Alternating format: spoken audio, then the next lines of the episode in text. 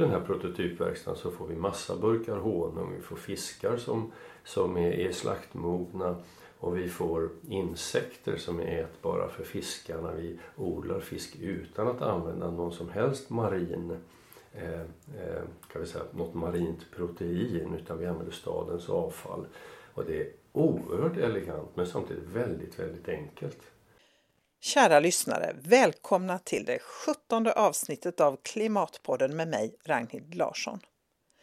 I dagens avsnitt hälsar vi på i Slakthuset i Göteborg och Stadsjord som är en prototypverkstad där grundaren och stadsbonden Niklas Wennberg tar tillvara på stadens överblivna mat med sina cityräkor och fiskodlingar. Fiskarna som han kallar för vattenlevande grisar. Ja, redan 2009 så placerade Niklas ut eh, de första grisarna i eh, stadsmiljö i Göteborg sedan andra världskriget. I ett samarbete med Chalmers Göteborgs universitet, KTH, Gunnebo slott, familjebostäder och Räddningsmissionen skapas mötesplatser för människor som vill bidra till en mer hållbar stad med mer lokalproducerad mat och samverkan i kvarteret. Det blev ett rekordlångt men eh, väldigt spännande samtal om eh, varför vi egentligen behöver mer stadsjordbruk och om Niklas resa från utredande och skrivande hållbarhetskonsult för bland andra Sida och Fiskeriverket och fint kontor på Vasagatan till stadsbonde i stövlar och fiskodlingarna i Slakthuset. Vi pratade också om arbetet med att utveckla världens första standard för stadsjordbruk och om när NASA-chefen som bygger en rymdstation på Mars kom och hälsade på. Hör du ett flåsande ljud i bakgrunden så är det bara Niklas hund. Mer information om dagens avsnitt hittar du på hemsidan klimatpodden.se och du är som alltid välkommen att höra av dig med tips på ämnen och intervjupersoner du vill höra i Klimatpodden. Och tack för att ni lyssnar. Utan er blir det faktiskt ingen podd. Men nu är det dags att köra igång dagens avsnitt med Niklas Wennberg. Varsågoda! Välkommen till eh, Klimatpodden Niklas. Tack så mycket. Och vem är Niklas Wennberg? Ja, det var svårt. Ja, just, just idag så är det ju, om man tar och reducerar, bortser från en massa saker så. Just idag så är jag fiskfarmare och vi sitter i eh, Göteborgs enda, en, en, en, eh, en, eh, matmaskin, en matfabrik kan man säga. Vi sitter i en eh, övergiven eh, eh charkindustri eh, på 2000 kvadratmeter i nästan centrala Göteborg. Vårt uppdrag här är att eh, säga, förtäta staden genom att producera mat i just en, en tom eh, lokal, en större tom lokal. Så det är uppdraget idag att driva, utrusta den här, få igång den här matmaskinen i urbana Göteborg. Så det är det som är mest just idag i alla fall. Och det går under namnet Stadsjord? Ja precis, alltså Stadsjord är, är, är, en eh, darling som jag startade 2008 som är ursprungsperson och verksamhetsledare för. Och det är ju rätt talande. Det handlar om att uppgradera stadens eh, landskap och stadens jordar.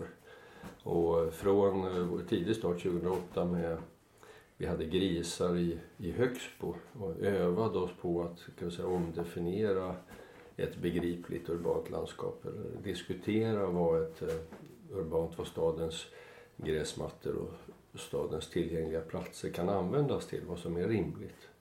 Så från det här att eh, med kan säga, extrem exotism och ha grisar i ett stadslandskap i Högsbo så har vi nog förvandlat det perspektivet till en, nästan en normalitet efter att ha jobbat med grisar i 15 olika områden i Göteborgs kommun och i kranskommuner. Så att nu, nu om, om, man får frågan vad gör du för att då säger jag ju ofta att jag har grisar. Det är jag som har grisar i Göteborg. Och då mer än 50 procent av göteborgarna säger att de på något sätt är bekanta med de här. Någon har sett, läst eller så.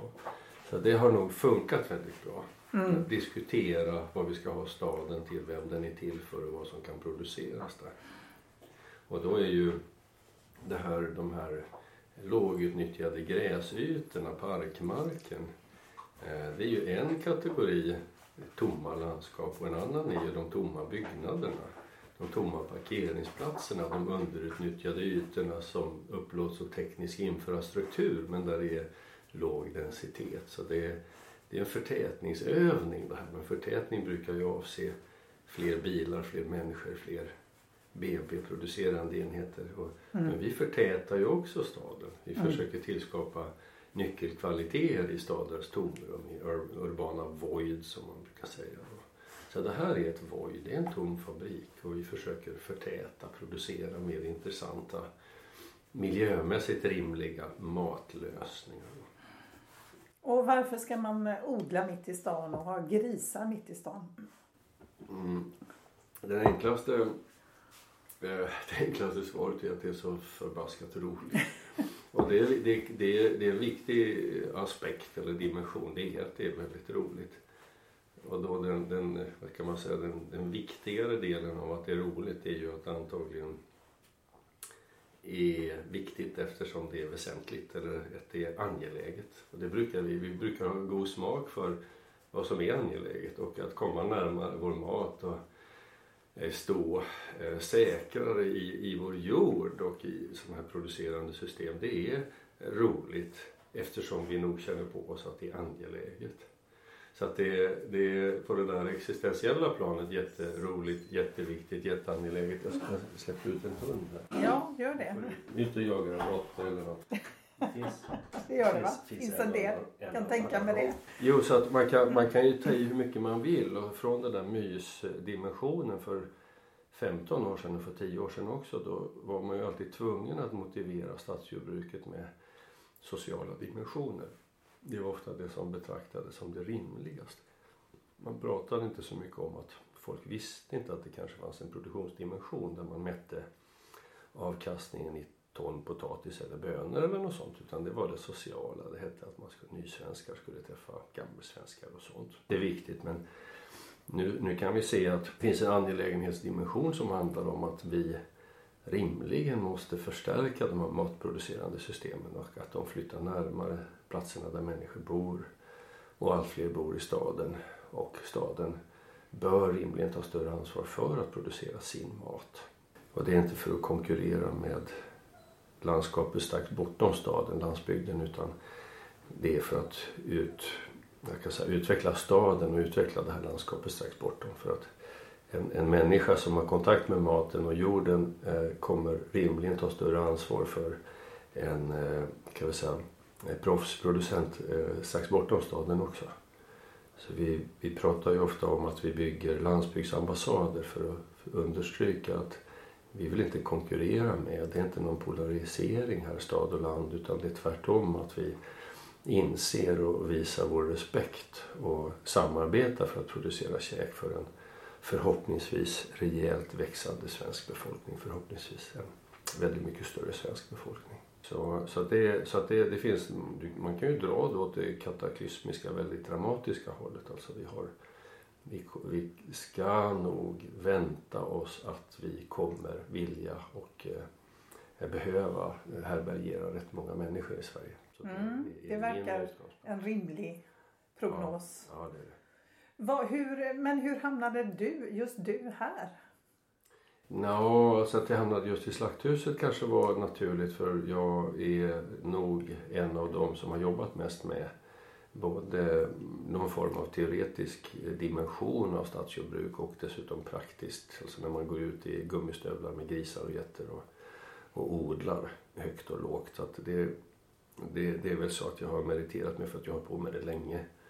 Och jag är sen många år tillbaka så är jag etablerad eller engagerad på Chalmers mastersprogram i hållbar stadsutveckling på arkitektur där jag är, är ofta anlitad som eh, extern kritiker på mastersuppsatser och sånt och, och är med och pratar om stadsjordbruk. Så att alla de här seniorstudenterna på arkitektur som läste mastersprogram de, om hållbar stadsutveckling, de råkar ut för stadsjord. Alltså då är vi obligatoriska där och det eh, får ju någon annan stå för. Men vi uppfattas som eh, vederhäftiga på något sätt. Och eh, enträgna kan jag ju säga själv. Mm. Vi är rätt envisa, har hållit på med det här länge. Mm. Så, eh, och det är väl det vi kan säga att vi, vi är eh, duktiga på att förvandla policy och strategi till verklighet, till handfast verklighet. Har det alltid varit så för dig eller har du varit mer teoretiskt inriktad tidigare? Ja, alltså ett tag, fram, fram till, jag sa det, fram till 2008 så då jobbade jag med hållbarhetsfrågor för Länsstyrelser, för Jordbruksverket och för Sida och för Fiskeriverket. Och då satt jag i, eh, jag vet inte om jag hade snygga skor men det låter bättre. Då satt jag i ett stort rum på Vasagatan ovanför Flygarns haga och skrev rapporter och så åkte jag eh, på uppdrag som, eh, hållbarhets, som skrivande hållbarhetskonsult kan man säga. Eh, och så undervisade jag på universitetet och så undervisade jag på Chalmers också. Och det var rätt smidigt. Men, men sen så i det här eh, när jag hade jobbat eh, ett bra tag i Sydostasien i tio länder med, för att bygga hållbara fiskerisystem. Jag, jag var med och utvecklade den nordiska miljömärkningen av fisk och skaldjur på ett, just ett teoretiskt organisatoriskt plan. Och sen så samma sak i tio länder i Sydostasien och sen vill jag vara med och göra någonting. Och det tror jag ren ego. Men också för att förstå vad jag höll på med. Mm. På med stövlar, köpa grisar, ut och böka upp gräsmattorna för att exempel, manifestera de här relevanta frågeställningarna. Så istället för att jag ska fråga och trevande försöka formulera svar så vill jag manifestera en relevant frågeställning. Eh, med grisar eller med fiskodling eller vad vi nu håller på med. Så det, var, det, det, det, ett, ett, ett skönt, man kan vila sig tillbaka eller luta sig tillbaks i den i det perspektivet eller i den attityden och säga att hur, man får frågan hur vågar du? Du är ju inte fiskeribiolog eller du är ju inte, nej det är jag inte men jag är tillräckligt kunnig för att ställa frågan och för att göra den i materialiserad form. Så att vi ska hålla på och treva omkring på forsknings, på hypotetisk nivå på olika laboratoriebakgårdar. Det tror jag inte är särskilt effektivt. Jo, det, det är en kompletterande dimension men vi måste ha många människor som vågar sig ut i terräng och just exponerar frågan i trevande försök. Så vi säger att nej, det här är en relevant frågeställning. Nej, det är inte. Eller ja, det är en relevant frågeställning. Nej, det är inte ett försök att formulera den slutgiltiga optimala lösningen. Det, det, det, kommer säkert på andra sidan gatan komma fantastiskt mycket duktigare fiskodlare och det är bara roligt. Det ser vi fram emot. Så att man släpper sin ängslan att man ska avslöjas som en, en klåpare eller en, eh, just en sån här icke-mediterad eh, wannabe någonting. Det är helt okej. Okay. Och det är mycket det som jag tror skiljer en svensk horisont från en till exempel amerikansk horisont. Vadå att de vågar mer? De vågar oerhört mycket mer. Och det finns, man talar om en... Vi pratar här om att alltså, vi befinner oss i, i eh, stadsjord, eller kvartersodlat slakthuset kallas det. Kvartersodlat slakthuset. Vi har drivit kvartersodlat Kvillebäcken tidigare. Ett annat urbant void som vi fyller med odling och pedagogik. Och det här är ett annat void, ett annat tomrum. Då. Vi pratar om att det här är ett eh, kvartersekologiskt centrum och det, maten finns med som en hubb eller som en viktig faktor. Men sen handlar det om klassiska kretsloppsfrågor som avfallshantering, eh, vattenmanagement och logistik och sånt också. Och maten finns Alltså det är inte bara så att det kan vara en parkförvaltning eller miljöförvaltning som ska utveckla stadsjordbruket utan det är de som sköter transporterna, infrastrukturen, vatten, avfall, avlopp. Mm. Det maten och stadsjordbruket kuggar i samtliga miljörelaterade sfärer i den i offentlig sektor och det glömmer man ofta bort utan man lägger det som en, en, en partsfråga till Park och naturförvaltningen eller någonting ja, sånt. Det. Eh, och det är bra att någon får uppdraget men det är dåligt eftersom man missar att, att eh, maten och stadsjordbruket ska kugga i 360 grader av stadens verksamhet. Så att, och, och en annan eh, eh, i kvartersekologiskt centrum då eh, så pratar vi om att vi vill få bygga bättre respekt mellan akademisk science och nerd knowledge. Eh, och nerd knowledge då är inne på det som kallas för makerkultur. Mm.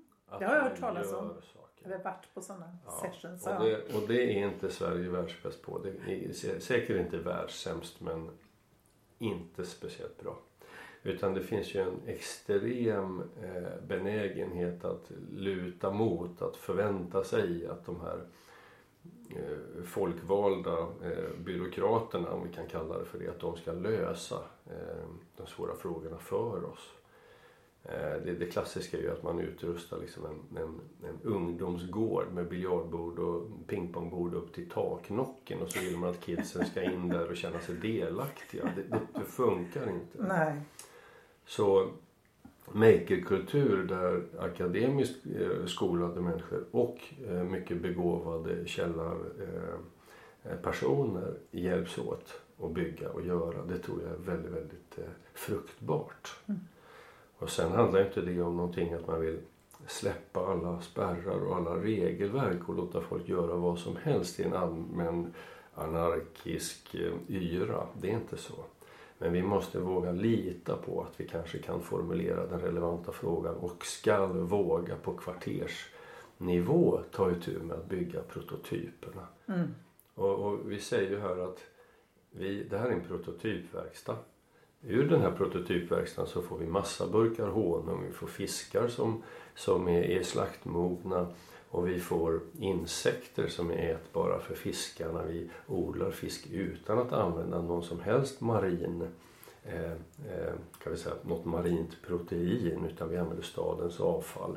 Och det är oerhört elegant men samtidigt väldigt, väldigt enkelt. Och någon kan ju fråga så här, hur kom ni på det? Ja. Och då måste man säga att hur kan man låta bli att komma på det? Att staden är, den svämmar över av överbliven mat som inte bör betraktas som avfall, inte på länge.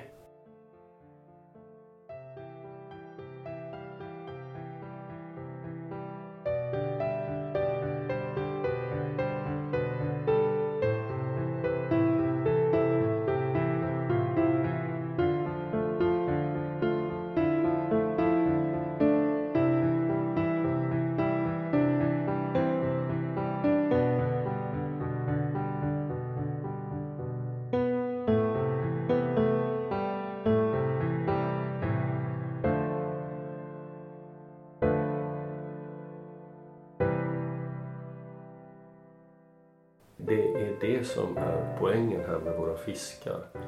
Att vi tar avfall från våra fantastiska mikrobryggerier. Alltså det mältade kornet som tidigare gick till grisarna, till kycklingarna och till fåren. Men nu finns det ju ingenting sånt. Så nu är det ett avfall som man får betala för att bli av med. Mm. Och nu ger vi draven, det mältade kornet. På vägen hem tar vi säckar från bryggerierna och ger till våra grisar strax utanför staden. Och det grisarna inte äter det ger vi till insekterna här i slakthuset. Som förvandlar draven, alltså matavfallet, det mältade kornet till en, en cityräka, alltså en, en larv mm. som har samma fettsyresammansättning som en räka och samma proteinsammansättning som en räka. Så det är stadsavfall som blir en cityräka. Och så tar vi fiskrenset från Olskrokstorgets handlare. Och så tar vi grönsaker som vi odlat på taken, på väggarna och på parkeringsplatserna här. Och det är foderbasen till våra fiskar. Och de äter allt i princip? De äter allt och det är det Fascinerande. rätt slags fiskar gör. Vi ja. kallar dem för vattenlevande grisar. Grisens eh, kostvanor känner folk, de är som vi, de stoppar i salt. Det, måste vara, det ska vara fina råvaror men det får gärna höra till kategorin överblivet. Alltså allt ifrån semlan vi har på bordet här till grönsakskvistar och persilja och överkokt potatis och sånt där. Det är perfekt. Och nu har vi fiskar som beter sig likadant som är likadana fysionomiskt. Att de äter egentligen allt. Mm. Så det handlar inte om att det här förstår ju treåringar. Så, men att, att kanske våga alltså ta steg, steget att riskera att avslöjas som en eh, dilettant eller någonting. Det är helt okej. Okay. Men varför skulle man bli kallad en dilettant? Nej men det, alltså det, det, jag försöker fundera själv varför vi är så eh, nästan unika. Och det, är, och det finns ju många människor som är fantastiskt duktiga tekniskt och biologiskt och som kan det här mycket bättre än vi kan men som låter bli att göra det. Varför är det, det så? så? Det vet jag inte. Och det finns så mycket policy och så mycket strategi skriven. Jag har hängt tillräckligt mycket med Havs och vattenmyndigheten och med Fiskeriverket och med miljöförvaltningen och med Länsstyrelsen för att veta att kompetensen är väldigt hög. Men eh, stegen ut i verklighet är extremt få. Och när det gäller fiskodling, vi sitter ju i, i fiskerum fem meter bort här. Svensk eh, fiskodling, alltså det som heter vattenbruk, det är ju, man odlar akvatiska organismer. Det är ju inte bara fisk men det kan vara skaldjur och alger också. Eh, vi har 82 000 sjöar drygt. Vi har hundratals mil kust. Vi har väldigt mycket åar och älvar.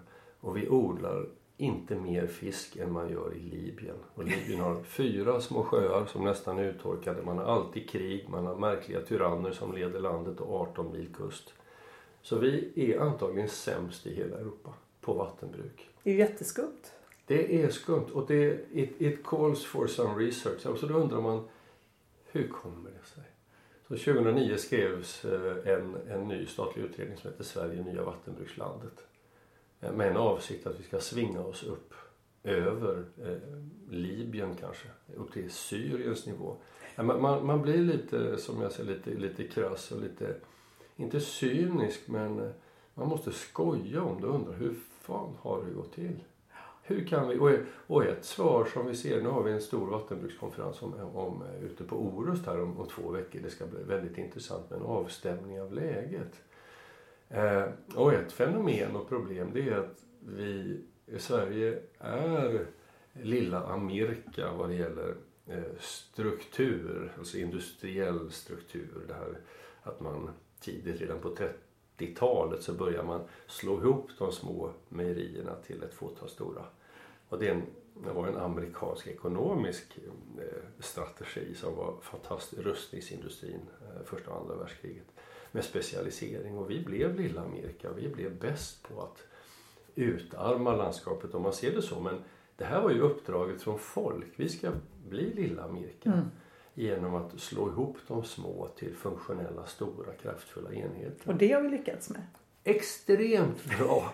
Så att från då 2000 slakterier, 2000 mejerier, 2000 bryggerier 1930 så var vi nere på eh, 30 stycken mejerier 2003, 28 bryggerier 2003 och långt under 100 slakterier 2003. Och ändå vill vi prata om att vi var ett matland som jobbar med dialekter och finess. Det är ju bara hånflin åt det. Men det var ju folket hade ju lämnat uppdraget åt politiker att utmejsla den här modellen så vi ska inte pipa. Vi, vi fick vi, det vi ville ha då helt enkelt. Vi ville ha det. Och nu är, ju, och nu är det ju så spännande när vi ser att konsumenten säger att man vill ha transparens. Mm. Man vill veta vem som har lagat semlan. Om jag får höra att den där semlan är bakad av Delicato utanför Stockholm då kommer jag spotta ut den. Mm. För det passar inte med min ideologi. Jag tycker det är råkorkat. Så de senaste två åren har vi ju fått hundra nya mikrobryggare. Mm. Och har man inte haft något annat att glädjas åt de senaste två åren så är det ett fantastiskt. Alltså, fantastiskt spännande notering. Och många av de här går riktigt bra och de fortsätter att växa fram. Och nu börjar vi få nya slakterier och förhoppningsvis fler osttillverkare också. Ehm, och, och, och, och, man måste väl våga tro att vi också kommer få en massa urbana fiskodlare. Alltså I staden så finns det hur mycket mat som helst som betecknas som avfall därför att man inte har någon mun att stoppa den i eller någon, någon smart process att föda med maten. Och i staden så finns det en massa konsumenter som efterlyser klimatsmarta saker som står i fiskdisken och halvgråtande undrar vad de ska äta mm. idag. Mm. Vad är det som funkar? Och då är det så att en landbaserad urban fiskodling den kommer ta rätt så stor plats i, i städerna. Och det jag tycker att vi bör se till att vi utvecklar många sådana i Göteborg. Och i Alingsås och i Lilla Edet och så vidare. För det är en intressant modell. Men vad, vad krävs för att vi ska få alla de här eh, fiskodlingarna då? Ja, äh, vi har ju intelligenta människor i landet. Vi har ekonomi. Vi har råvaran för att producera maten. Men det, är, eh, det, det, är det finns någon tröskel som handlar om, om eh, mod eller känslan av att ha mandat kanske.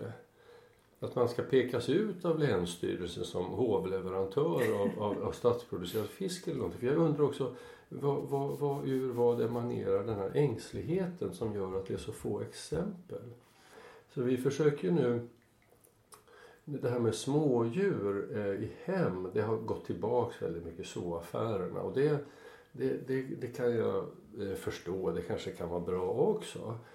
Eh, men, men det fanns ett, eh, eh, alltså det där att ha akvarier, nu, nu säljer vi fiskar här, vi ska titta på dem sen. Vi säljer mm. småfiskar, alltså liten matfisk, yngel. Och de säljer vi till akvarister, men vi vill, vi uppmuntrar akvaristerna att äta sina älsklingar. Och det är egentligen ingenting konstigt. Nej. Att man håller djur som man eh, högaktar och man dräper dem och då är man ledsen och sen så lägger man dem i stekpanna och då är man glad. Mm. Och det är inget konstigt så att de här fiskarna är lämpade för att eh, inkluderas i hushållets eh, metabolism. Att hushållet lämnar ifrån sig en massa mat som man kan inte hälla man kan inte skrapa ner den här semlan i fisktanken, det kommer inte funka. Men om jag ger semlan till en mollitorrbagge, sådana som vi har här ovanför i vår insektsodling, vår insektsfarm. Då kommer semlan förvandlas till en sån här cityräka.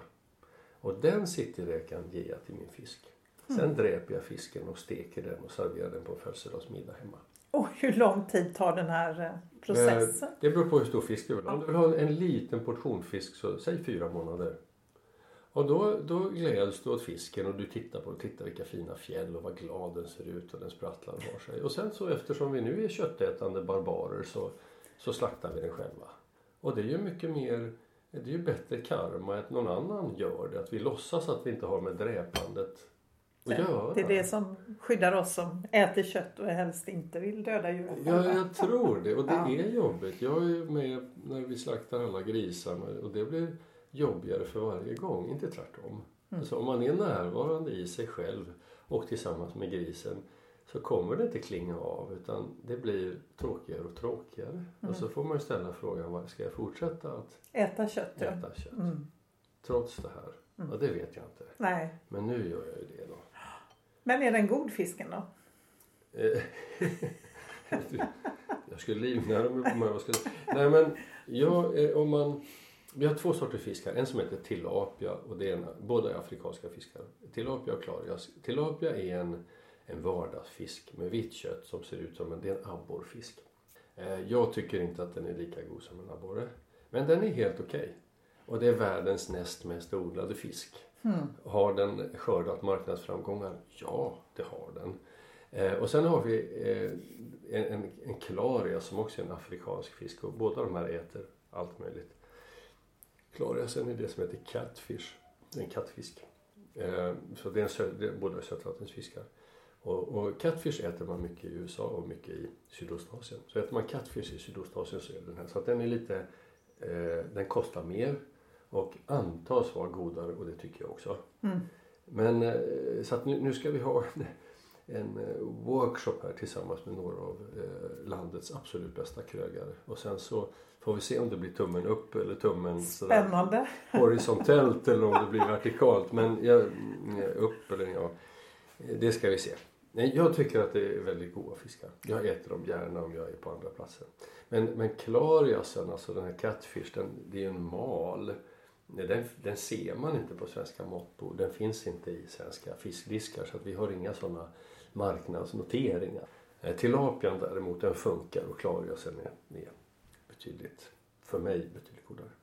Men ser du det här då som att eh, alltså det kommer uppstå ett nytt Arla som odlar fisk? Eller, som, eller tänker du att eh, jag hemma i min trädgård ska ha min egen lilla fiskodling?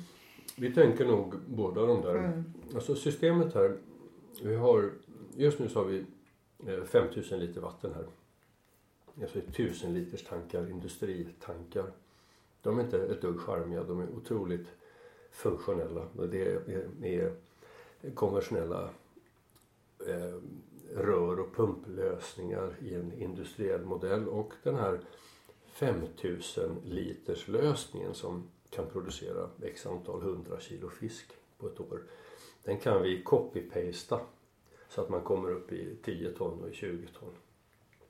Det är väldigt enkelt att se det som en liten enhet som man copy-pastar upp utifrån eh, storlek på. Du kan ha den i flera eh, nivåer också. Eller man kan dra den ner den. Så nu har vi haft eh, besökare som har varit här och tittat som kommer från bostadsrättsföreningar. Som diskuterar om man skulle kunna komplettera sin tvättstuga eller sitt cykelrum. Man har lite extra utrymme för att ha en fiskodling och det tror vi absolut.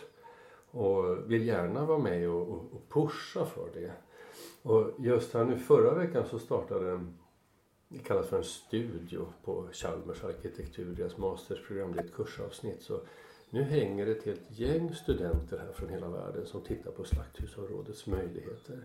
Och där diskuterar man just kombinationen tvättstuga och fiskodling. Och vi hade NASA här, jag skrev på hemsidan att det var lite, kändes lite konstigt med svenska HSB-föreningar som kommer och så kommer NASA, deras eh, eh, en, en, chef som håller på och bygger eh, eh, alltså rymdstationen på Mars. Eh, de kommer hit tillsammans med Chalmers och eh, forskningschefen på Rice University och, och vill prata om Fish Farming Zero Gravity. Och då tänker man, varför kommer ni hit? men, men nu är det så. Så att, eh, jo, så att det här, men det är intressant att det var Chalmersgänget som ser att en tvättstuga, det är ett plaskområde. Det är väggar och golv och tak som funkar med, för blöta.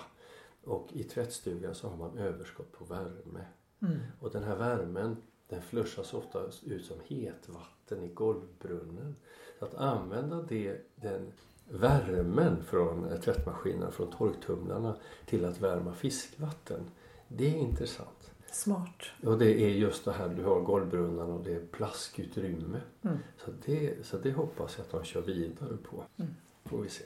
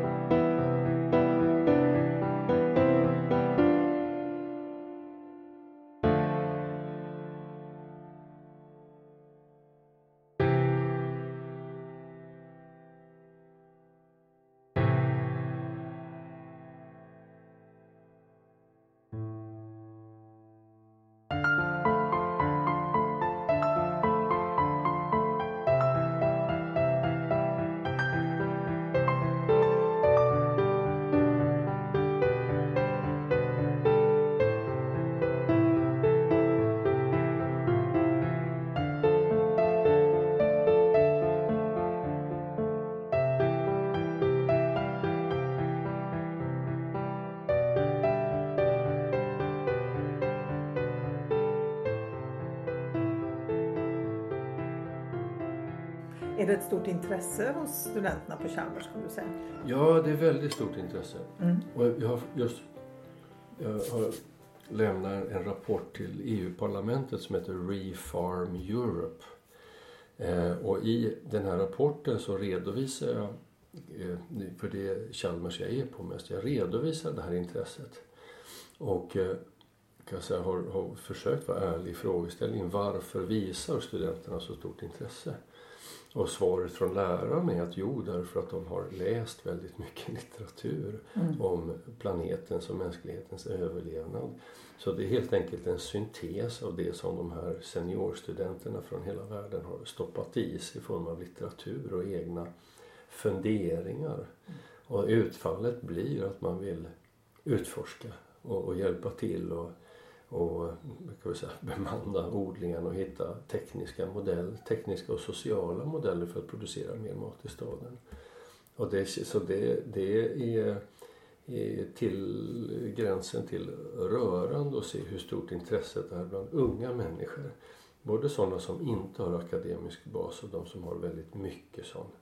För att alltså, hur, hur man förstår att existentiellt viktigt att vara nära maten och nära jorden och nära djuren. Och även ur det här försörjningsperspektivet eh, angeläget. Och, och bättra på kunskapen om att producera mat. Och det är, vi kan ju, man kan ju se att vi befinner oss i någon, någon form av bubbla vad gäller hur vi uppfattar vår mat. Jag menar i, i världen så är eh, stadsjordbruket en överlevnadsfaktor, en viktig del av näringslivet. En miljard människor försörjer sig på stadsjordbruk i världen. Det är många människor. Mm. Stadsjordbruket globalt sett är 10 till 15 gånger yteffektivare än det så kallade rationella jordbruket.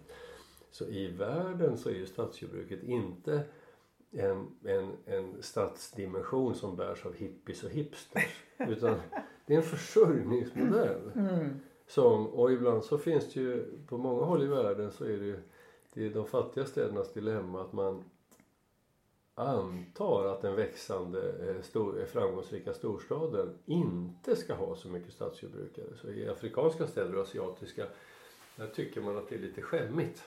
Okay. Att ha en så stor del av stadsjordbruk så att officiellt så meddelar man att man inte stimulerar det men man vet att man behöver det. Staden kommer haverera om man inte har det men man vill signalera att man är Modern. Ja, att man är modern och kan köpa burkskinka. Och det är ju, och det är ju ett problem. för att mm. och, och den eh, uppfattningen delas av flera västerländska städer också. Att man tycker att stadsjordbruket är lite skämmigt. Och att det befolkas just eller bemannas av människor som kommer som inte har någonting annat att göra. Nysvenskar i, i Sverige då. Vad, alltså, du pratar om det här intresset hos uh, unga människor växer då för ja. detta eller att det finns ett stort intresse. Men uh, du tillhör ju inte själv den här yngre generationen då. Ursäkta mig, inte jag heller. Oj, oj. Det gör inte jag heller. Tråkig vändning. ja, visst blev det väldigt tråkigt nu. Vi som hade så trevligt. Ja. Nej. Eh, men vad tänkte jag på? Var, var kommer ditt intresse ifrån? Hur började det? Ja, det är ju så trist så att eh, jag är ju förprogrammerad. Ja, dels har jag den här dras med, men det gör vi alla, en genetisk kodning. Vi, vi är rimligt intresserade av mat och att eh, dräpa saker och anrätta det och äta detsamma. Det, det har vi nog som någon grund. Men jag, min, min farfar var eh, agronom. Så han höll på med, han var expert på eh, frukt och på bär och på bin. Och eh, min farmor var makalöst duktig och min mormor hade också makalöst duktig på sånt här. Sen så, min farfar han kastade här åt sidan. Han, han sa till sina barn att nu är det inte roligt längre för nu kommer industrijordbruket så ägnar det åt något annat. Så min pappa var industriledare och min farbror professor i medeltidsfranska. Så att min familj övergav det här och blev vanliga akademiker om man säger. Men min pappa eh, hoppade av näringsliv och började doktorera i självförsörjningsmodeller så han gick tillbaks till farfar och sa det, det här är ju allt jag velat göra. Oh. Så, så, så, tråkigt är det att jag känner att jag har haft det här med mig som någon form av katekes som vi blev vi lämnade men nu har möjlighet att återta efter någon parentetisk diaspora. Nej, men, eh, så, så jag har alltid, vi har pratat mycket om landskap och mycket om djur och sånt men jag är uppvuxen i stan så att jag har nog närt velat. Och fisk har jag alltid, eller sen jag var pytteliten så har jag grävt fiskdammar och fiskat och, och haft akvarier och sånt. Mm. Så det här är väl det att jag har varit långsam i steget och nu tagit mig till något som jag har velat experimentera med i lite större skala rätt länge. Då. Ehm, och så, ja, kanske lite grann om man ska vara, alltså att det är en ansvarsfråga. att Det här är ju långt ifrån något som är lukrativt. Vi tycker att vi är framgångsrika för att det är många som eh, applåderar försiktigt och som vunnit massa priser och ja, så. Precis. Och blir uppmärksammade. Ja, och, och, det, och det är jätteviktigt. Mm. För om man ska hålla på med sånt här så är det ju fortfarande så att vi är väldigt, väldigt ensamma. Det är väldigt få som håller på. Och en del tycker kanske att det är skumt att jobba i den här väldigt lilla skalan. Utan att generera några eh, affärsmässiga storslagna framgångar. Men då är man ju på det där med ansvar och vi, eller jag tycker att det här är viktigt. och Jag tycker att det här är angeläget och jag sitter fast vid det och är väl rätt envis då. Och har eh, möjligheter att göra det här i den här lilla skalan och försöka vara, generera något slags tekniskt eh, praktiskt resultat men också ett, ett pedagogiskt. Jag är ute mycket och pratar och det är väldigt skoj på högskolor och sjundeklassare och Rotaryklubbar och länsstyrelser och universitet och EU-kommission och vad det är som NASA. NASA också. ja, vi bjöd på semlor. Om ni har NASA-chefer på besök så ska ni bjuda på semlor. Det är, det, är, det är verkligen det de går igång på. Det var en framgångsfaktor. Ja, så det vill jag diskutera. Ett forskningsprogram som heter eh, Swedish Semla Zero Gravity. Så om det är någon som hör det här, det här fantastiska programmet så får ni ringa. Ja.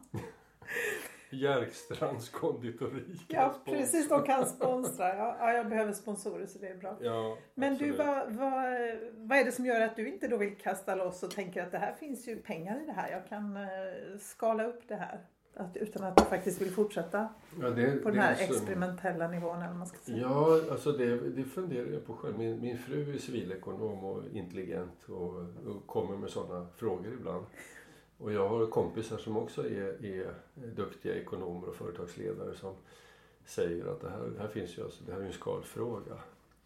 Och eh, jag tror att om man, är, om man är ovan vid större skala så är man så, har, så finns det många trösklar. Och sen så handlar det om kapacitet också, att vara affärsmässig och göra affärsplaner och sånt. Men det som är, det kanske inte är så jätteviktigt. Jag får vara glad att den får vara med. Eh, men vad som är spännande här nu, eh, jag, jag skryter att jag träffar intressanta människor som sitter på viktiga positioner och så. Eh, men det är, det är nog eh, en, en fin tid vi befinner oss i för nu börjar företagsledningarna på Skanska, NCC, OF-koncernen de börjar undersöka det här och fundera på, så jag är inbjuden till eh, NCCs koncernledning och till hållbarhetschefen för Skandinavien och framtidsdagar för att prata om det här. Och det handlar ju om att man försöker orientera sig. Eh, mm. De här teknikkoncernerna som sitter med stora omsättningar och eh, tusentals ingenjörer. De börjar snappa att det här är intressant. Och för dem är det ju en, en fråga om timing när man ska se, ge sig i lag med de faktiska frågeställningarna och göra. Och där tror jag att vi är rätt så nära när vi kommer se eh, eh den här formen av eh, moduler inbyggda i, i eh, nybyggnation, i vanliga byggprojekt. Så att man, har, att man ökar en fastighets självförsörjningsgrad genom att plocka in en matförsörjningsmodul.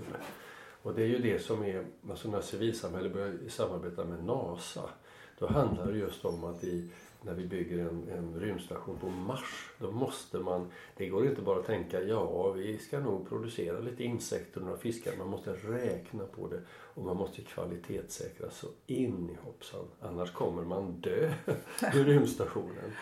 Så att nu får NCC och OF och vilka det nu är Skanska, de får ju, de får ju mod och de förstår att det är en relevant frågeställning och ur frågeställningen så kommer det falla ut lösningar.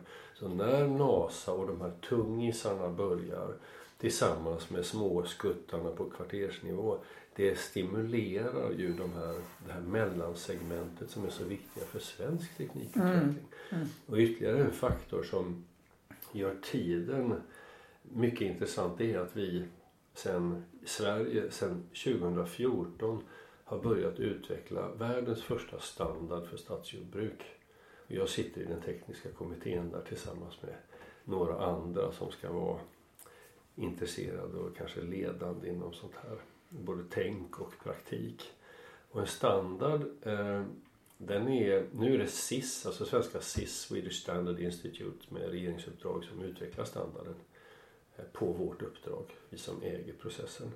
Och en standard, eh, den kan man tycka mycket om. Alltså eh, Sverige eh, och vår, vår sorts ekonomi och vår sorts tekniksamhälle älskar standards. Och ur standarden så föds certifieringar.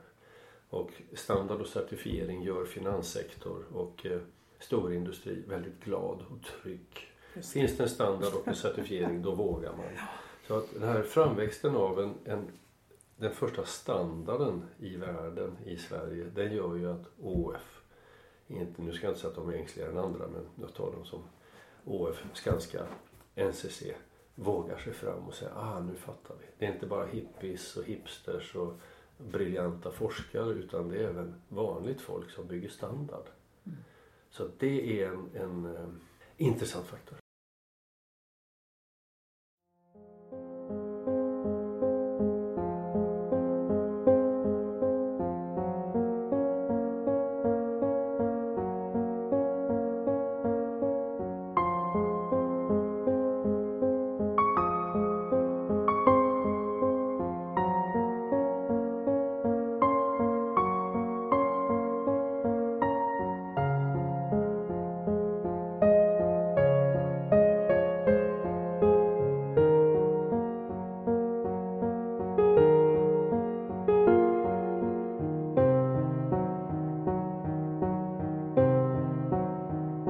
Sen är standarden besvärlig därför att standarden byggs av resursstarka och standard skuggar alltid resurssvaga. På vilket sätt då? Så för att vara med och bygga och sitta i tekniska kommittén så måste jag hosta upp med lika mycket pengar som Stockholms stad eller Kungliga Tekniska Högskolan eller Chalmers. Så det, är det här är inte någonting, någon, någon demokratisk eh, tillgänglighet till en process utan jag betalar som intresserad expert för att gå in och bygga standard. Så att du bygger en standard som en investering i värsta fall för att främja dina egna kommersiella intressen. Mm. Och du vill lyfta in din teknik, den teknik som du har utvecklat, den expertis som du har utvecklat som en förutsättning för att du ska eh, klara standarden och certifieringen. Så ser det ut. Mm. Och det är väldigt obehagligt. Mm. Så att jag betalar lika mycket för att sitta som expert i standardkommittén som Stockholms stad.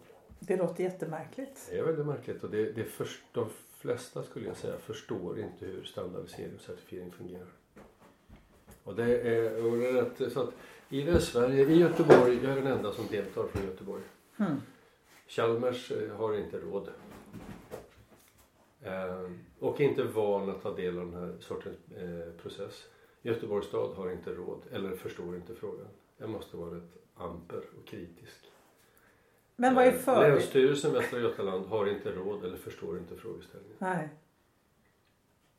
Men vad är fördelen då med en standard? Vad är det som gör att det är bra? Fördelen med en standard är att du börjar ordna upp frågeställningarna.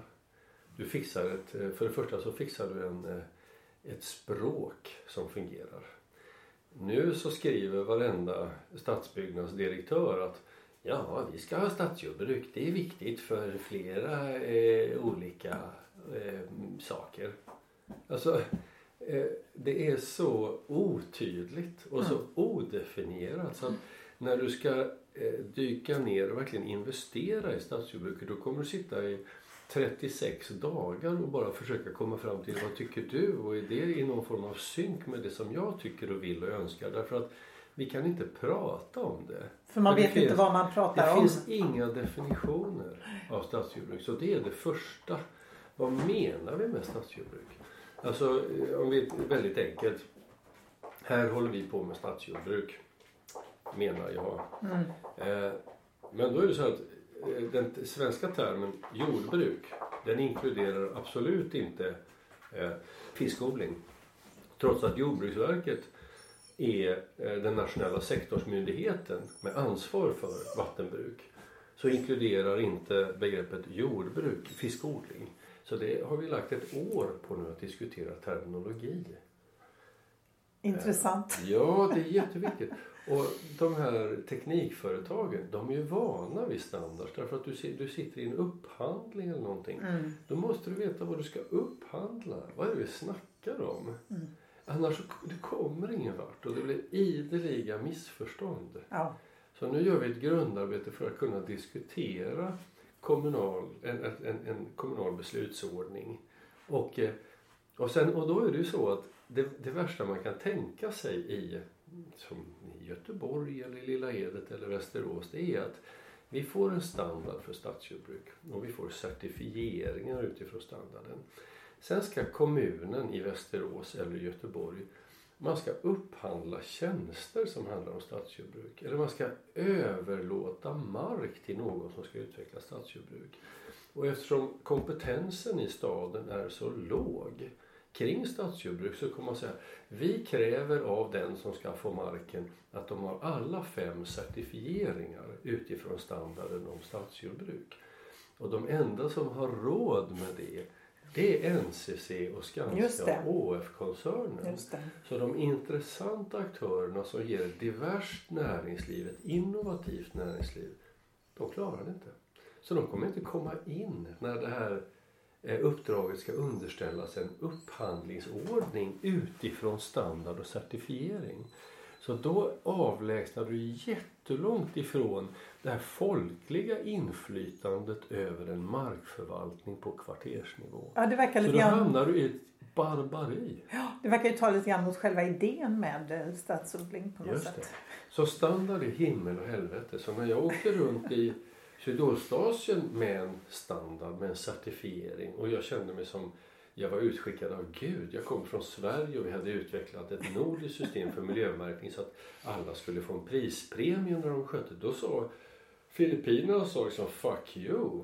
Eh, vad du pratar om det är ett tekniskt handelshinder som kommer utestänga oss från din fina västerländska marknad. Det här har vi sett tusen gånger. Mm. Och jag förstod först inte vad de pratade om men sen fattade jag att här kommer en västerländsk nasare då som ska kränga på dem ett system som egentligen omöjliggör att de ska få tillgång till vår marknad. Mm. Och det är en tolkning. Sen behöver det inte vara så men det var deras erfarenhet. Så de tyckte inte alls, tittade inte på mig respektfullt utan ofta var det du kommer ju som djävulen själv. Ja, Jaha, jag är ju snäll. Men hur kommer man runt detta då? Går ja, det liksom, är det bara att gilla läget? Det kommer man runt genom att bygga eh, den, en, en nordisk god standard. Mm. Eh, som tillförsäkrar, alltså som gör det till en demokratisk angelägenhet att människor ska ha tillgång till mark för att producera sin egen mat. Det är en mänsklig rättighet. Mm. Och då får man inte bygga en standard som bortser ifrån den mänskliga rättigheten. Och där finns väldigt tydliga referenser till fina eh, FN-dokument att en stadsbefolkning ska kunna producera sin mat. I, i, I London är det fortfarande så att det finns lagar som säger, i London har 33 stadsdelar och i flera av dem så är det lagkrav på att den familj som vill odla sin mat själv skall få mark att odla sin mat. Intressant. Så det är nedskrivet på ett helt annat sätt att du är tillförsäkrad den möjligheten i lag. Så att om du då har en standard som styr undan och släpper markförvaltningen och möjligheten att producera mat i staden till de stora aktörerna, då har du misslyckats kapitalt. Mm.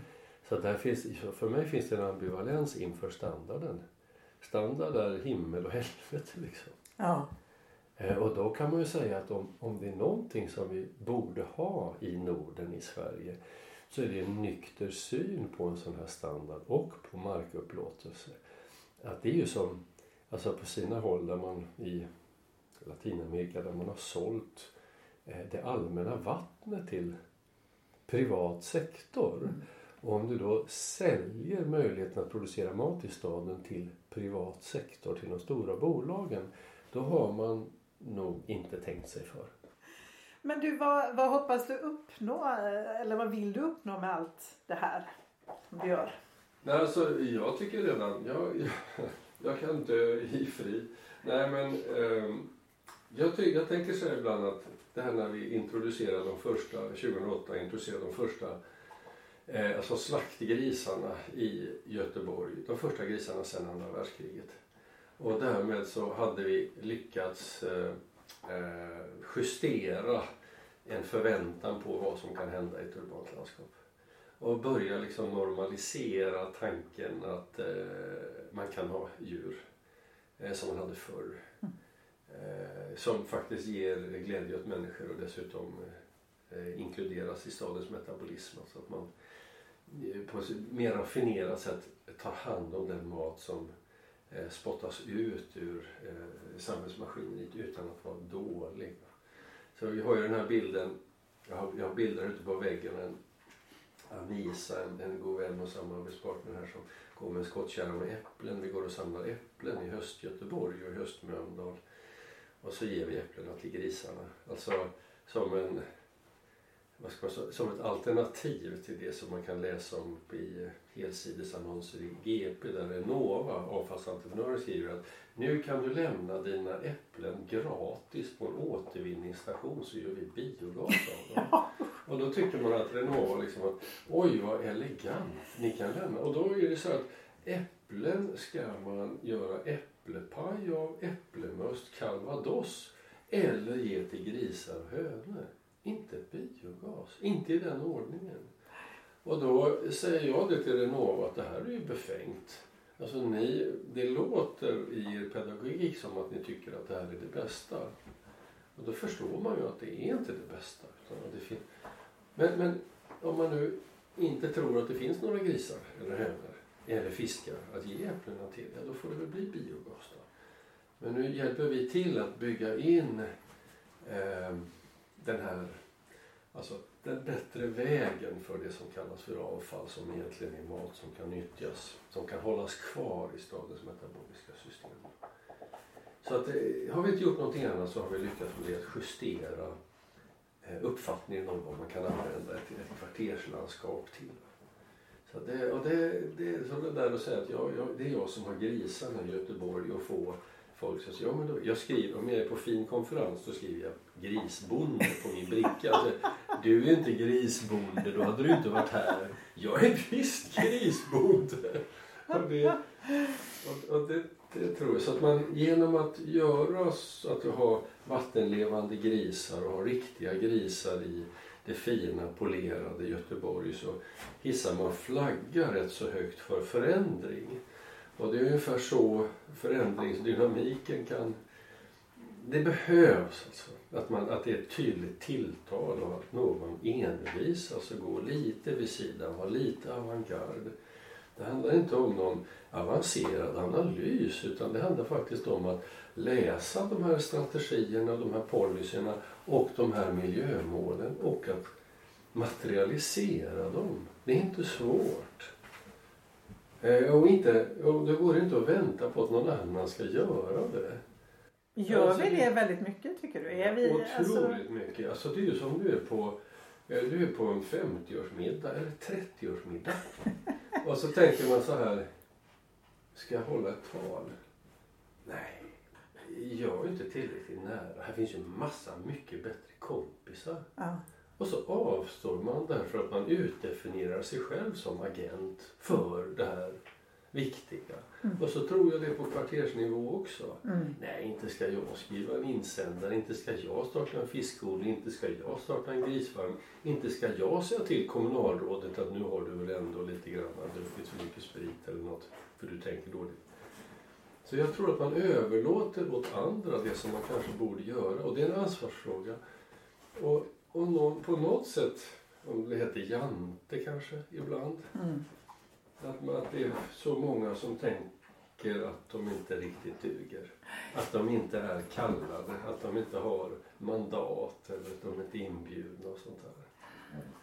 Och sen jag, jag såg en, och sen en, jag såg det var, kom något sånt här inlägg på social media om eh, en, en roddtävling mellan med ett, ett svenskt nationellt roddlag mot ett japanskt nationellt roddlag. Och då vann japanerna för de hade en som var styrman och nio som rodde. Och svenskarna hade Ja, istället. Nio styrmän och en som rodde. Ja, den tror jag jag har sett. Och- och den- Det där den känner man igen. och det är, Mm. var väldigt, väldigt bra. Därför att nu när vi har fått upp ögonen för att stadsjordbruk kan vara någonting viktigt. Då gör staden, det kan vara Göteborgs stad till exempel, man gör förstudier på förstudier på förstudier på förstudier och producerar den ena styrmannen efter den andra, det ena styrdokumentet efter det andra. Och det hade räckt för 19 förstudier sen. Vi behöver inga fler. Och det, där, och det, och det, är, och det är hårresande. Och det är som man förskingrar skattemedel på att akademisera alltihopa. Ja, Alla det är väldigt intressant. fucking byråkrater och det är inte okej. Nej. Och då är det ju så att jag, jag skojar med det. Så när jag är producent, när jag producerar purjolök, då har jag 50 öre i timmen. När jag sätter på mig en kostym och pratar på Skanskas framtidsdag, då får jag 10 000 för fem minuter. Mm. Så att den lönebildningen, eller den alltså, eh, inkomstmodellen, när vi nu säger att det är angeläget med stadsjordbruk, men det finns inte förutsättningar för någon att vara praktiker. Nej, det blir mer läpparnas bekännelse då. Det ska pratas, det ska analyseras, det ska bedömas, det ska förstuderas tusen gånger. Men du, vad är grejen med grisar då? För att återgå till dem som ju ändå är ganska... Där du liksom, det har funnits grisar och finns på en massa håll ju. I, ibland så får man ju, eller man får försöka vara vaken och öppen för att man ibland man bär på någon slags barnatro eller uppfattning om hur det ska vara och så bryr man sig inte om att titta på det närmare. Jag har alltid haft för mig att grisen är en bra del av, av samhällets metabolism, ämnesomsättning och därför att det är en allätare. Grisen är klimatsmart. Alltså, om man ska plocka ut några köttslag som är klimatsmarta så är ju grisen och, och kycklingen liksom, de är i särklass egentligen. Och, och då eh, är grisen klimatsmart, i särklass klimatsmart, även om den äter säckmat från landskapet bortom staden. Och om du då ger stadens mat direkt till grisen och så serverar du grisen på stadens krogar. Då är den helt fantastiskt klimatsmart. Och dessutom så är den ögonöppnare och en, en kollega till mig och andra som jobbar med, med överlevnadspedagogik och hållbarhetspedagogik. Därför att grisen berättar en story mycket bättre än någon av oss andra. Den jobbar hela tiden och folk står vid grisen och man förstår matfrågan, man kan prata djuretik och sånt där. Man kommer förstå hur en gris faktiskt vill ha det. En gris bökar och alltså, leker, söker mat 60-70% av sin vakna tid. Om du spärrar in den i en kättel där den inte kan böka och leka och leta mat så förstår man på en gång att det där vill jag inte vara del av som konsument eller producent. Så grisens betydelse eh, är, den är, den är den, vi har ju inte grisar för att man ska äta mer griskött eller mer kött utan för att man ska stå inför den levande riktiga eh, vännen gris och reflektera över sina konsumtionsmål och sina födopreferenser. Och antagligen fatta beslutet att äta mindre griskött. Eller åtminstone när såg du din fläskfilé i ögonen senast? Mm, mm. För om du har sett din fläskfilé i ögonen så kommer du fatta andra köpbeslut. Så vi vill, vi vill ha grisar för att det är ett ration, den står för ett rationellt sätt att förvandla gräsmatta, gräsvård, vall till odlingsyta. Det är rationellt. Och det har vi hela tiden sagt att det är inte ett pikant inslag som man, dit man ska ta sina barnbarn. Det är det också, men Mm. dessutom så är det en rationell markförvaltningsmodell. Och ett rationellt sätt att förvandla stadens matavfall till fläskkotlett. Så det är inte ett veganskt manifest, absolut inte.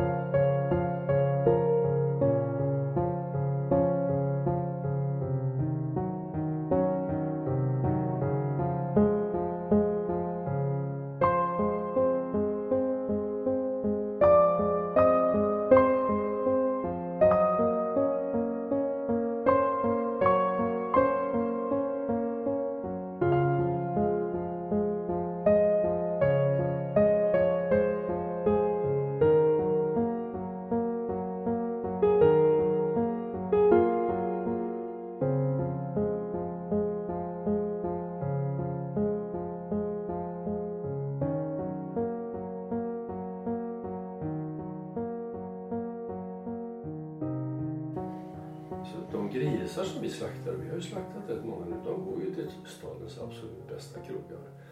Och de här krögarna, de förstår ju storyn. Och det finns en, en Guide Michelin-krog i Göteborg vars ägare ringde till mig och sa att vi har hört från Törnströms att era grisar är så fina, vi vill beställa en. Då kunde jag säga att nej, så funkar det inte. Du och din ägarkollega får komma på audition först. Så får du jobba med grisarna och så ska vi se om ni respekterar varandra. Sen får ni vara med på slakten. Sen kan ni köpa gris. Så man förstår den ångest och det obehag som, och den glädje som ligger i alltså försteget till att man styckar grisen och serverar den till sina gäster. Mm. Det är väldigt obehagligt och väldigt sorgligt att slakta grisar. Och det måste man förstå om man är toppkrögare. Mm. Och gjorde de detta då? Ja, det gjorde det. Mm. Så, det, Det- så där har vi, har vi en ny. Nu har vi, så vi levererar till ett par, tre Guinness krogar Och det är väldigt roligt. För att de har ju inte bara stjärnor och är dyra utan de har också en ledning som faktiskt förstår och ska förstå matfrågan. Och som ska förstå de här begripliga landskapen. Och förstå sorgen som ligger i alla outnyttjade idiotlandskap som kantar staden. Som inte brukas till någonting. Det står möjligen lite skrotade husvagnar eller någonting där man planerar att göra en ny rondell eller man hoppas att man ska kunna etablera Jula eller K-Raut eller Elgiganten på den här marken. För det behöver vi ju ett till, eller hur? Absolut, alltså Ja. biomångfald och ekosystemtjänster det är ju inte det som är viktigt för mänskligheten utan det är ju Jula och logistikhubbar och infrastruktur förstås. Ikea också. Nej, så att, så att det...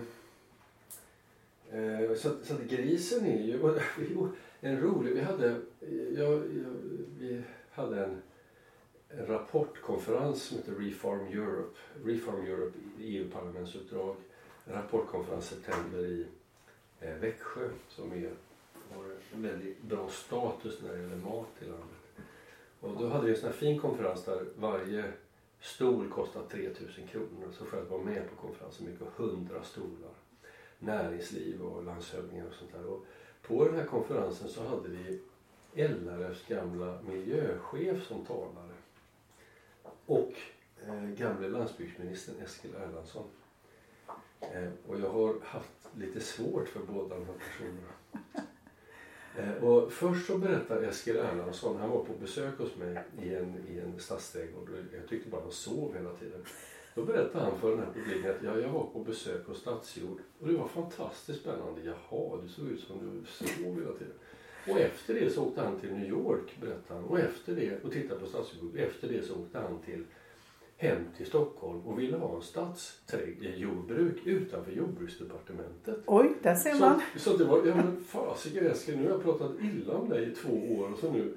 Och sen kommer LRFs eh, fantastisk miljöchef som är mycket intelligent och kunnig men vi har haft lite eh, brytningar emellan oss därför att LRF-medlemmar uppfattar ofta stadsjordbruket som en konkurrent.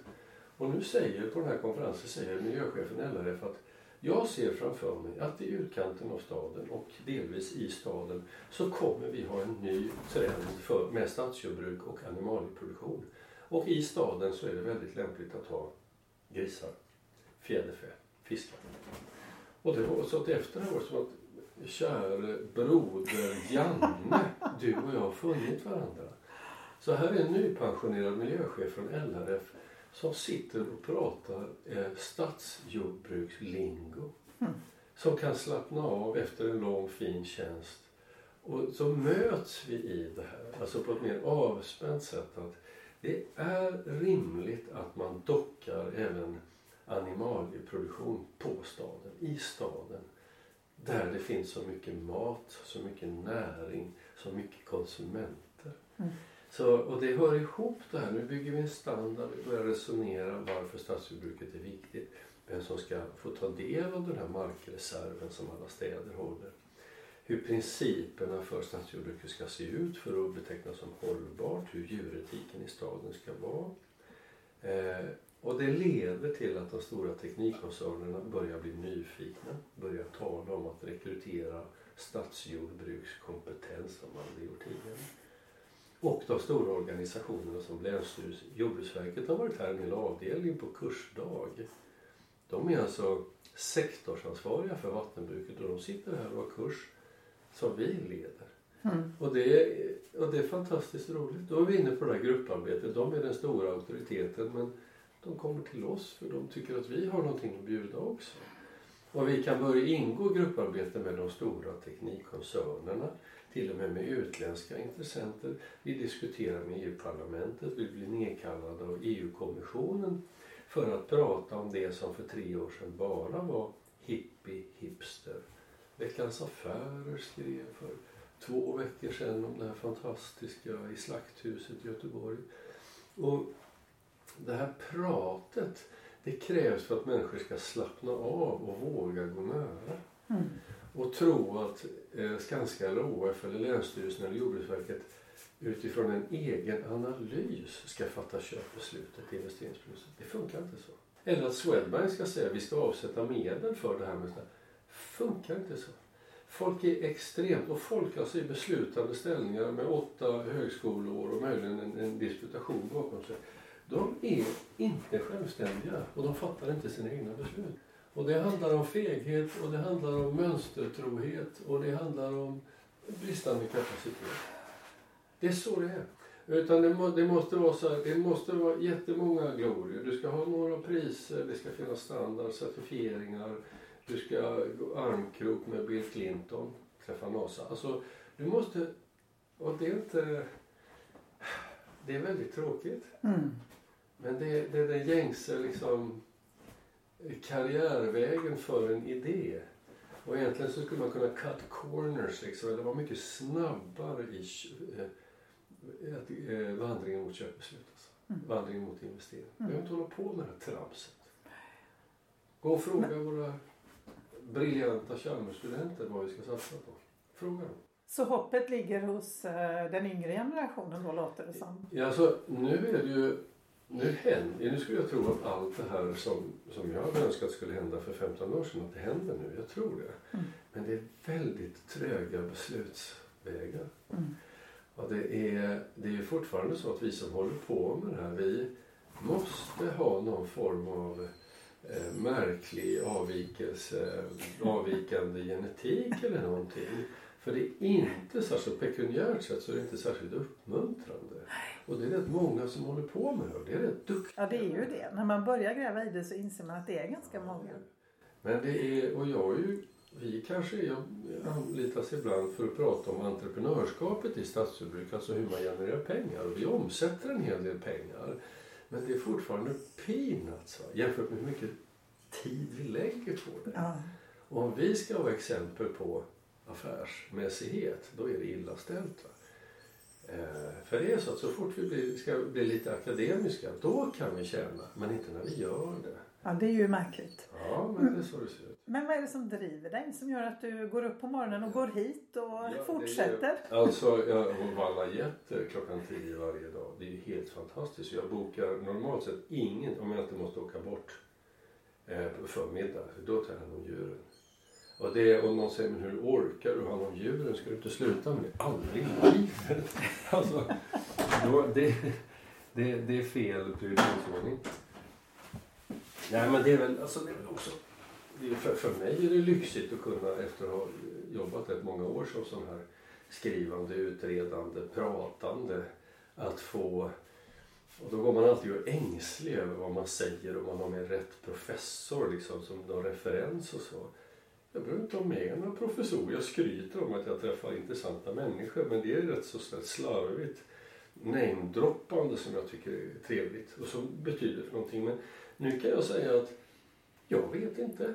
Vi har getter och vi har grisar och vi har fiskar och det går så bra så. Så jag visar min, min bilder, min blädderbok, min kapitelbok och sen mina erfarenheter, våra erfarenheter är leder mig till att jag kan rekommendera det här. Det är otroligt intressant. Som pedagogisk, eh, ett pedagogiskt fundament i en kvartersekologisk utveckling. Och även för att producera mat. Så då kan jag slappna av i och med att jag har smutsiga händer och, och, och går runt med mina grisar och dra mina egna slutsatser. Och det är väldigt skönt. Jag har inget sånt där alla avhandlingar jag har läst. Mm. Och så, så då blir det... Alltså det, är, det är väldigt behagligt att vara senior utifrån sin egen erfarenhet. Då. Och sen förstå det att det handlar inte om att, vara kunskapsfientlig eller hålla på med någon snobbig attityd att man inte behöver forskning och sånt, för, för det är inte det.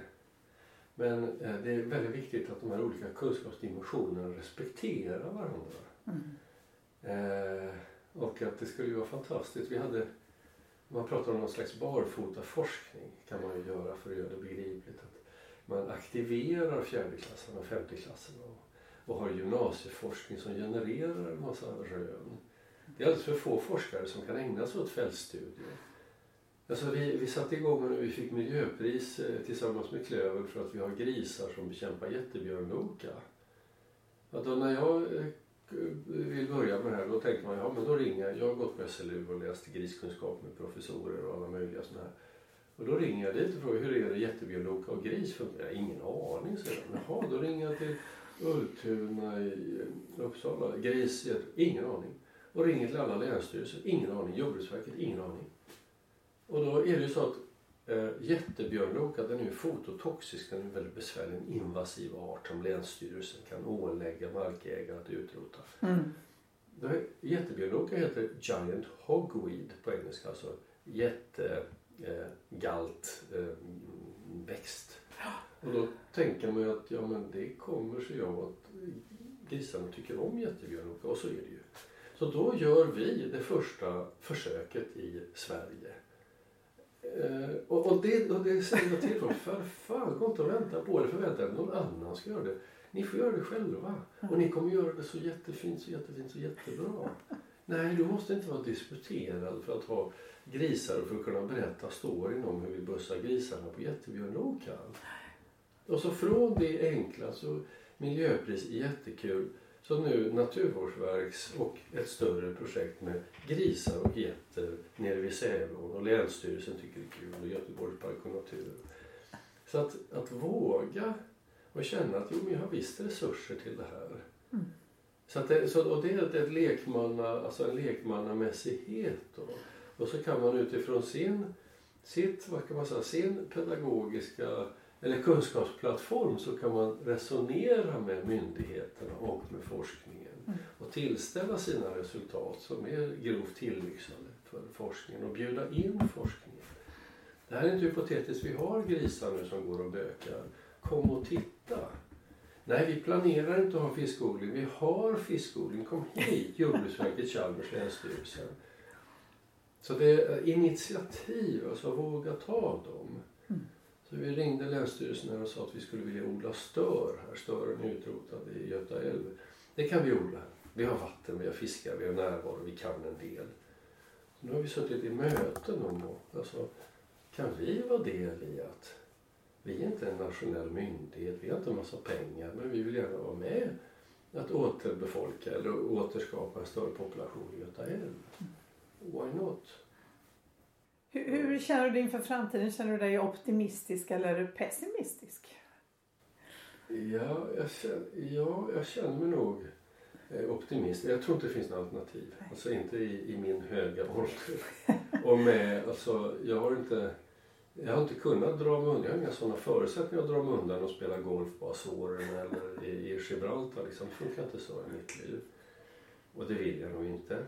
Så nu om, om den 14 mars så bildar vi en nationell förening med någon slags gemensam DNA som den här parlamentsrapporten jag skrev, parlamentsarbetet som heter Refarm Europe.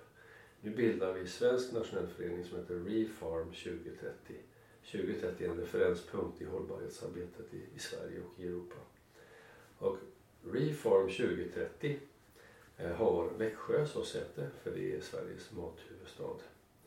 Eh, och vi har med oss Sveriges ekokommuner. Det är alltså världens äldsta organisation för hållbara kommuner. Vi har med oss några universitet. Vi har med oss väldigt duktiga människor. Och i våra stadgar, ändamålsstadgar så står det att vi ska arbeta för att möjliggöra en, en självförsörjningsgrad på 75 procent i Sverige.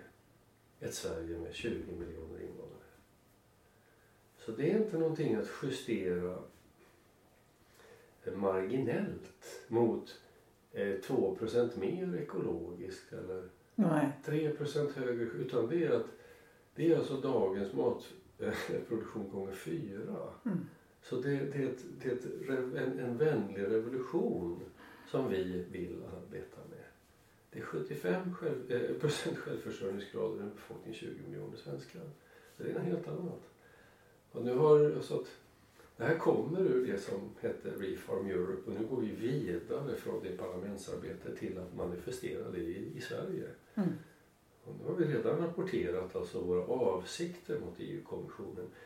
Och först när man pratar om det där, alltså, och då är jag en av de ansvariga för kan vi säga, att ta fram de här stadgarna. Då tänker man, ska jag våga säga det att jag engagerar mig i den här organisationen för bara lägger ribban väldigt högt.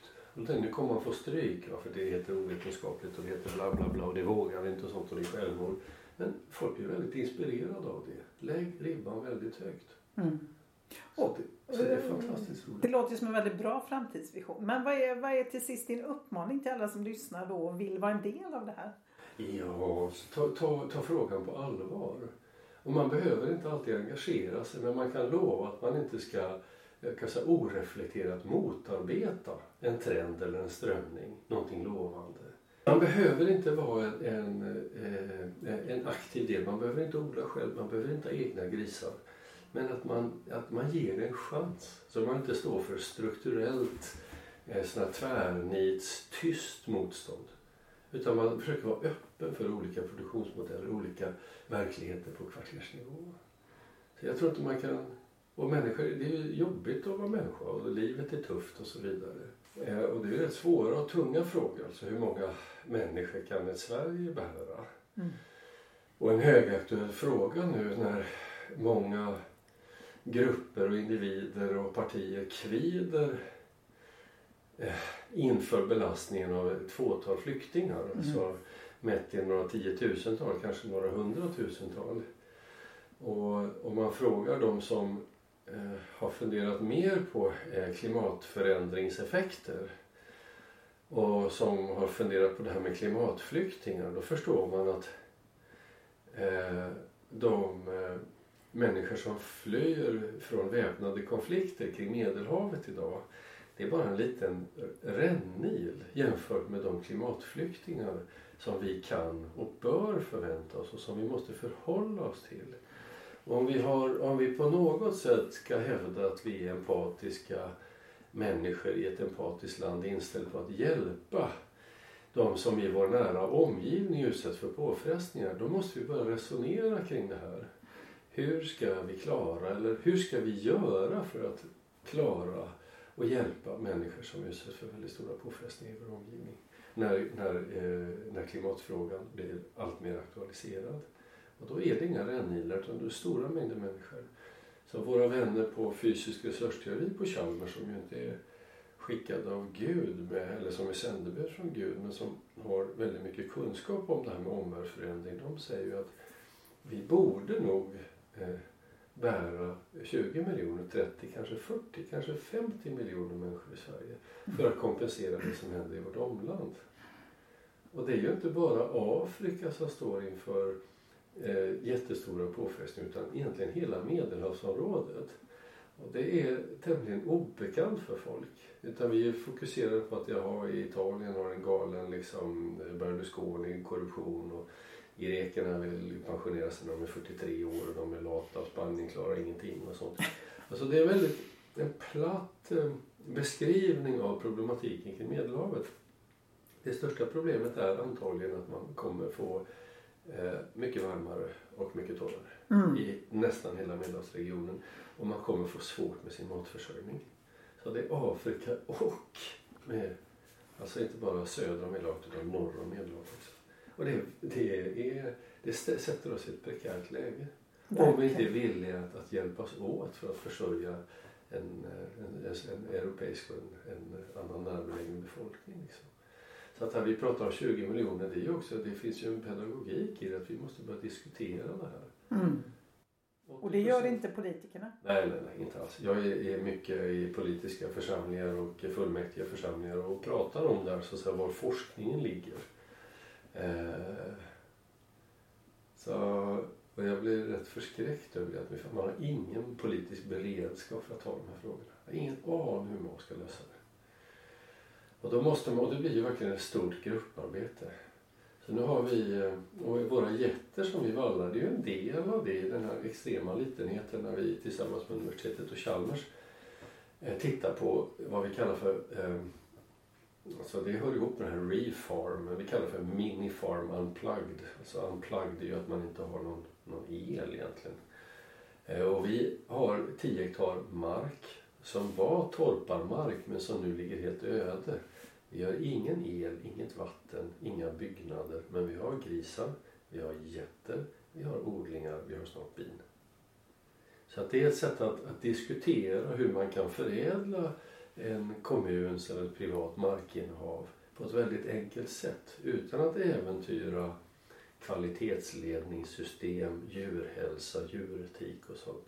Utan att man kan jobba upp en, eh, en en jordbruksproduktion utan att investera 120 miljoner i ett EU-kostall eller något sånt.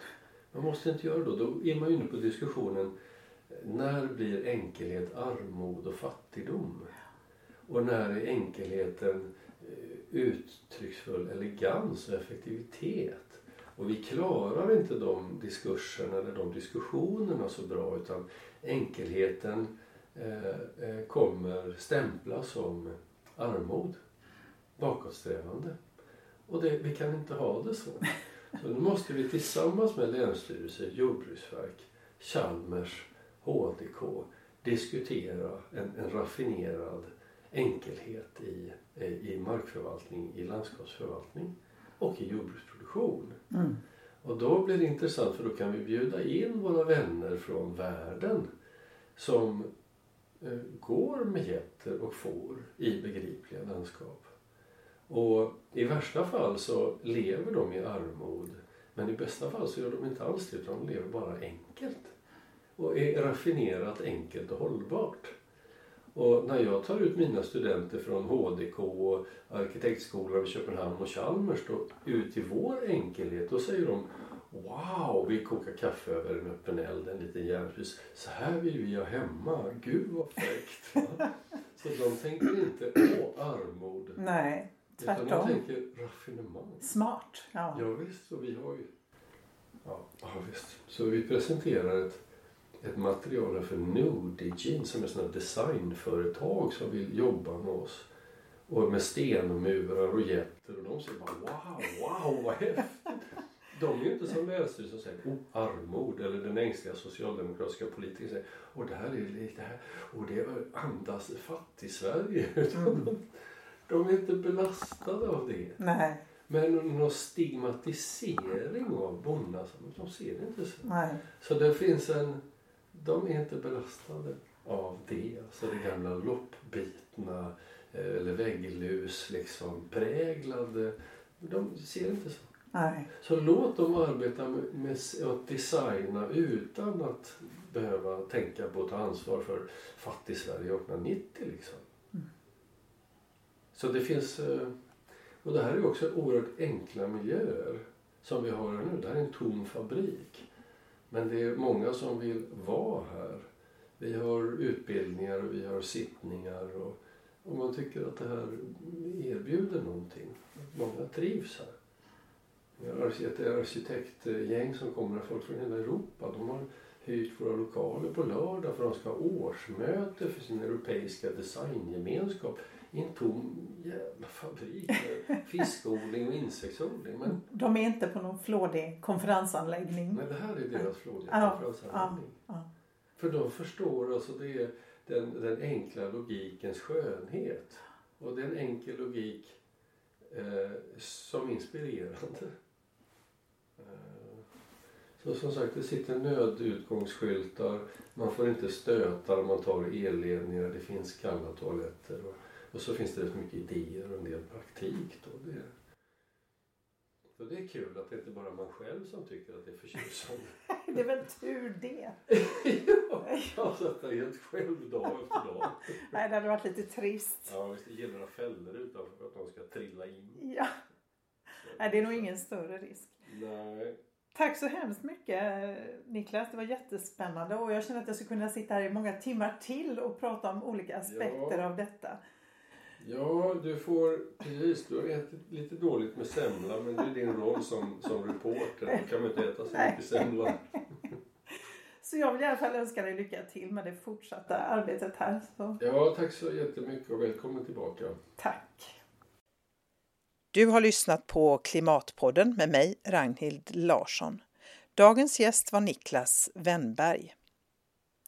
Du hittar mer information om dagens avsnitt och om podden på hemsidan klimatpodden.se. Vi finns också på Facebook och Twitter. Sök på Klimatpodden så hittar du. Du kan prenumerera på Klimatpodden via iTunes, Stitcher, Soundcloud och Acast. Signaturmelodin är skapad av Tommy Kaso. Musiken i dagens avsnitt är Crossroads och Moment av Two Senses. Loggan till Klimatpodden är gjord av Hannes Larsson.